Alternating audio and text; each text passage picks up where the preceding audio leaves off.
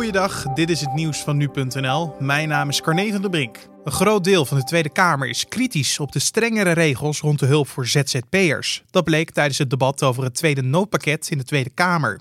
ZZP'ers kunnen per 1 juni, net als in het eerste noodpakket, nog steeds een beroep doen op een bijstandsvoorziening. Maar bij de berekening van de hoogte wordt nu wel naar het inkomen van de partner gekeken, de zogenaamde partnertoets. Door de partnertoets nu wel te gebruiken wil het kabinet gerichter steun bieden aan het levensonderhoud tot het sociale minimum.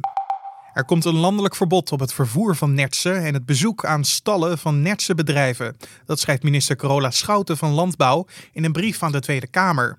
Het verbod wordt ingevoerd om de verspreiding van het coronavirus bij de bedrijven tegen te gaan en geldt voor alle netse bedrijven in Nederland.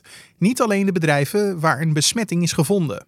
Naast het verbod op vervoer en bezoek aan stallen geeft minister Schouten het dringende advies om verzorgers van nertsen met symptomen van het COVID-19-virus te laten testen.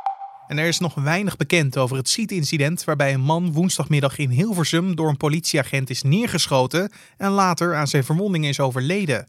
De Rijksrecherche is een onderzoek begonnen. De politie hoorde rond 5 uur s middags dat een man met zijn auto over een begraafplaats was gereden en tegen een gebouw tot stilstand was gekomen. Toen de agenten ter plaatse waren, ontstond er een situatie waarbij gericht werd geschoten op de man, al dus een woordvoerder van het OM Midden-Nederland. Het onderzoek naar dit incident kan ongeveer een maand duren.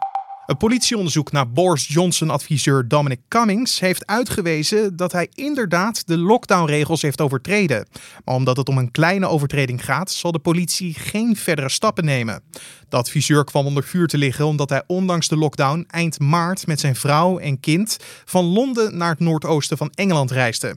Zijn echtgenote was op dat moment besmet met het coronavirus. En tot zover de nieuwsupdate van nu.nl.